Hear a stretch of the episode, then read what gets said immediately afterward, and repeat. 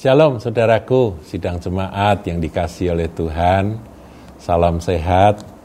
Saya berdoa supaya Anda semua diberkati Tuhan. Saudaraku, saya akan menyampaikan tentang Providensia Dei. Apakah Providensia Dei itu? Itu adalah istilah dalam bahasa Latin yang artinya penyediaan Allah. Saudaraku, kita pelajari di dalam Alkitab bahwa Tuhan kita, Allah kita itu setia, dia selalu menyediakan kebutuhan bagi umatnya. Umat Israel 40 tahun tidak pernah mencangkul, tidak menanam, tidak menabur, tidak me, apa, mengairi akan tanahnya. Mereka berjalan aja di padang gurun yang kering, Tuhan pelihara. Setiap pagi mana turun dengan setia sehingga mereka bisa makan dan mereka tidak kekurangan. Kemudian airnya dari mana? Oh, ada gunung batu yang memancarkan air dan air itu menjadi sungai yang mengikuti mereka. Saudara, luar biasa yang namanya Providensia Dei. Nah, ada satu cerita di zaman raja-raja yaitu seorang nabi yang bernama Elia. Elia ini menyampaikan firman karena disuruh oleh Tuhan kepada Raja Ahab bahwa akan ada masa kering kecuali kalau aku katakan. Tidak akan turun hujan kecuali kalau aku katakan. Bayangkan saudara. Dan setelah itu Tuhan memerintahkan Elia untuk pergi ke tepi sungai Kerit. Dan Tuhan berkata, saya bacakan saudaraku di dalam satu Raja-Raja 17 ayat yang ketiga, pergilah dari situ, berjalanlah ke timur dan bersembunyilah di tepi sungai Kerit di sebelah timur sungai Yordan. Engkau dapat minum dari sungai itu dan burung-burung gagak telah kuperintahkan untuk memberi makan engkau di sana. Cara Tuhan di dalam memelihara akan anak-anaknya, hamba-hambanya, itu unik dan aneh, saudara. Tetapi itu dicatat di dalam firman Tuhan. Tuhan bisa memerintah apa saja dan siapa saja untuk memelihara anak-anaknya, memelihara orang-orang yang dikasihinya. Dan kepada Elia, Tuhan memerintahkan burung gagak untuk bawa roti dan daging, saudara. Nah, kita lihat ya, di ayat 6, kita lompat ayat 6. Pada waktu pagi dan petang burung-burung gagak membawa roti dan daging kepadanya. Jadi Elia ini makan sehari dua kali, secara pagi breakfast dan petang. Dia lunch, uh, bukan lunch, apa itu uh, dinner, saudaraku. Dia makan roti dan daging. Kalau roti saja itu kan karbohidrat. Tuhan tahu Elia butuh protein, dikirim daging. Lewat burung gagak, padahal burung gagak itu kan sukaannya daging, saudara ya. Tapi dikirim untuk Nabi Elia. Dan setia, saudara, ya. Jadi eh, terus menerus. Minumnya dari mana? Dan ia minum dari sungai itu. Jadi dari sungai Kerit itu dia minum. Inilah providensia Dei, saudaraku. Penyediaan Tuhan atas umatnya. Saudara, kalau hari-hari ini kita membaca atau mendengarkan berita-berita tentang dunia ini, saudara kita ngeri. Ada satu kegentaran secara manusia. Bagaimana situasi dunia ya setelah pandemi yang memukul akan sendi-sendi uh, kehidupan manusia, bisnis kacau balau karena pandemi ya, sampai dua tahun lebih. Belum berakhir, ini hampir berakhir ya pandemi COVID-19 ini, hampir berakhir, sudah ada perang. Ya, bulan Februari kemarin sudah terjadi perang antara Rusia dan Ukraina dan ternyata perang ini dampaknya luas sekali. Ini bukan melulu negara Rusia dengan Ukraina, tapi ini urusannya NATO, saudara, negara-negara Eropa plus Amerika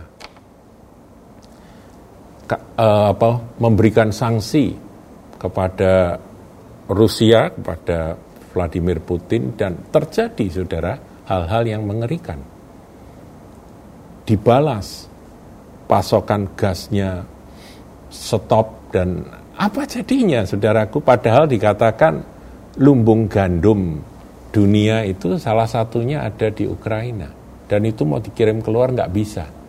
Jadi susah sekali, saudaraku masalah jadi repot, kemudian harga-harga bahan bakar minyak melejit naik, dan akibatnya jadi kacau balau.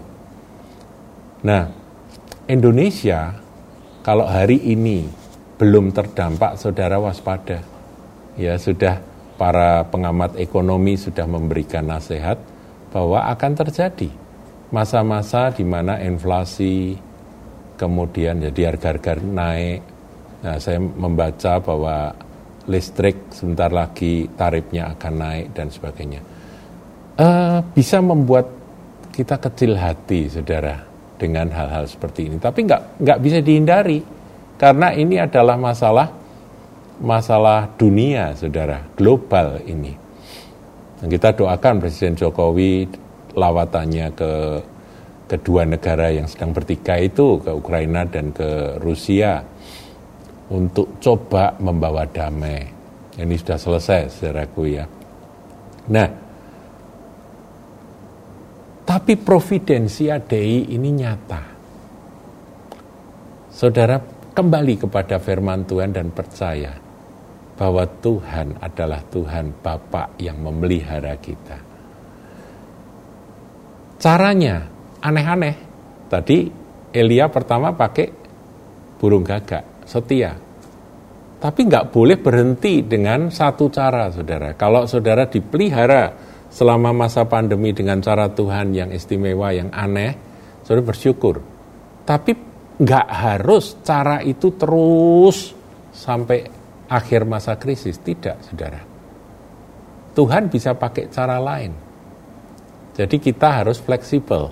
Nah, kalau kita lihat ayat yang ketujuh, tetapi sesudah beberapa waktu sungai itu menjadi kering sebab hujan tiada turun di negeri itu. Sungainya kering, kalaupun burung gagak datang bawa roti, bawa daging, Elia nggak bisa makan saja tanpa minum, ya kan? Manusia kan tidak bisa uh, tanpa air, hidup tanpa air. Ayat 8 perhatikan, maka datanglah firman Tuhan kepada Elia, bersiaplah pergi ke Sarfat yang termasuk wilayah Sidon dan diamlah di sana, ketahuilah aku telah memerintahkan, kalau tadi burung gagak, sekarang seorang janda untuk memberi engkau makan. Pergi ke Sarfat, saudaraku. Mungkin sebagai manusia, Elia berpikir bahwa ini janda kaya, stok pangannya banyak gitu ya, dia punya sumur istimewa yang ada airnya. Tapi ternyata tidak, saudaraku, janda sarfatnya itu sangat miskin. Nah itu terbukti di di ayat yang ke 10 dikatakan sesudah itu ia bersiap lalu pergi ke Sarfat setelah ia sampai ke pintu gerbang kota itu tampaklah di sana seorang janda sedang mengumpulkan kayu api. Ia berseru kepada perempuan itu katanya, cobalah bag, ambil bagiku sedikit air dalam kendi supaya aku minum. Ketika perempuan itu pergi mengambilnya, ia berseru lagi.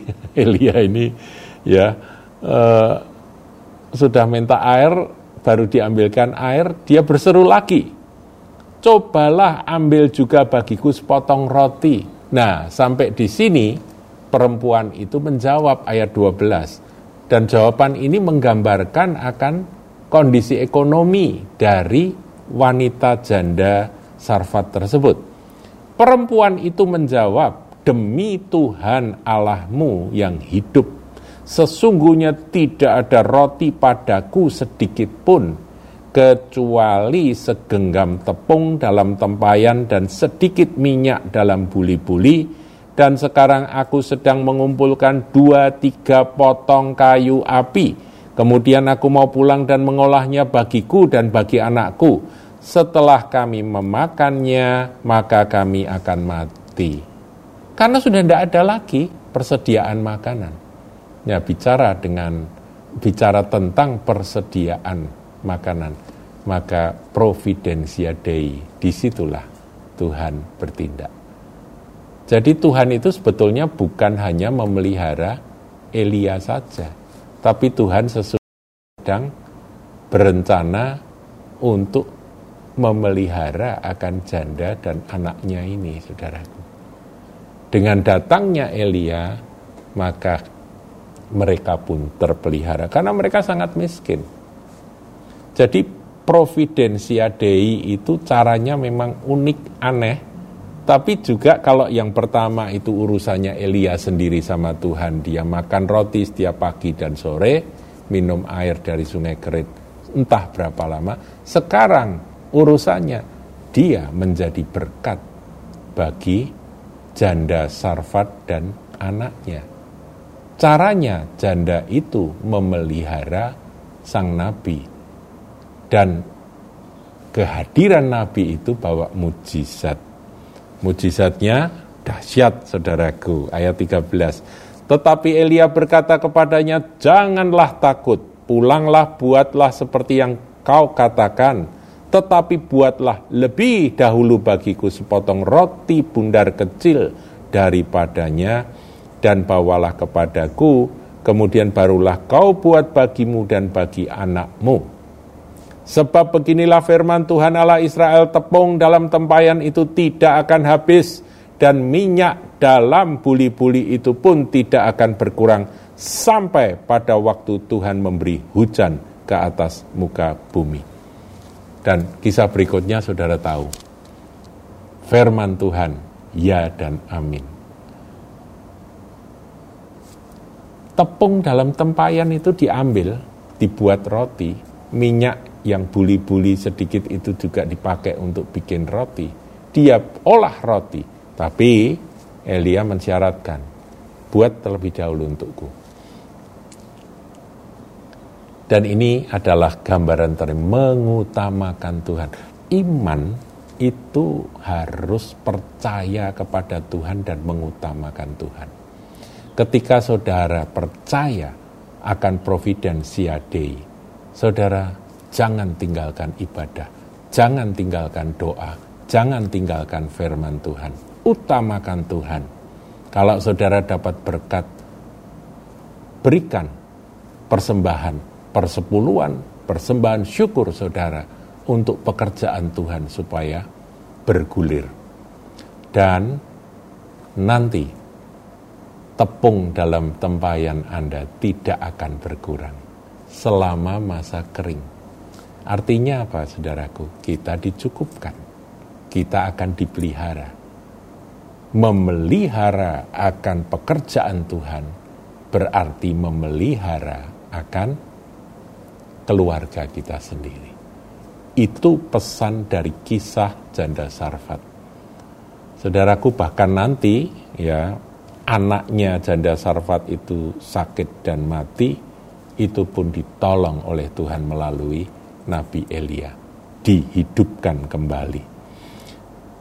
Haleluya, saudaraku, mujizat justru akan kita saksikan ketika masa kering, masa susah, masa resesi itu sedang kita lewati atau kita hadapi. Mujizat justru dinyatakan di sana. Tuhan Yesus berkati.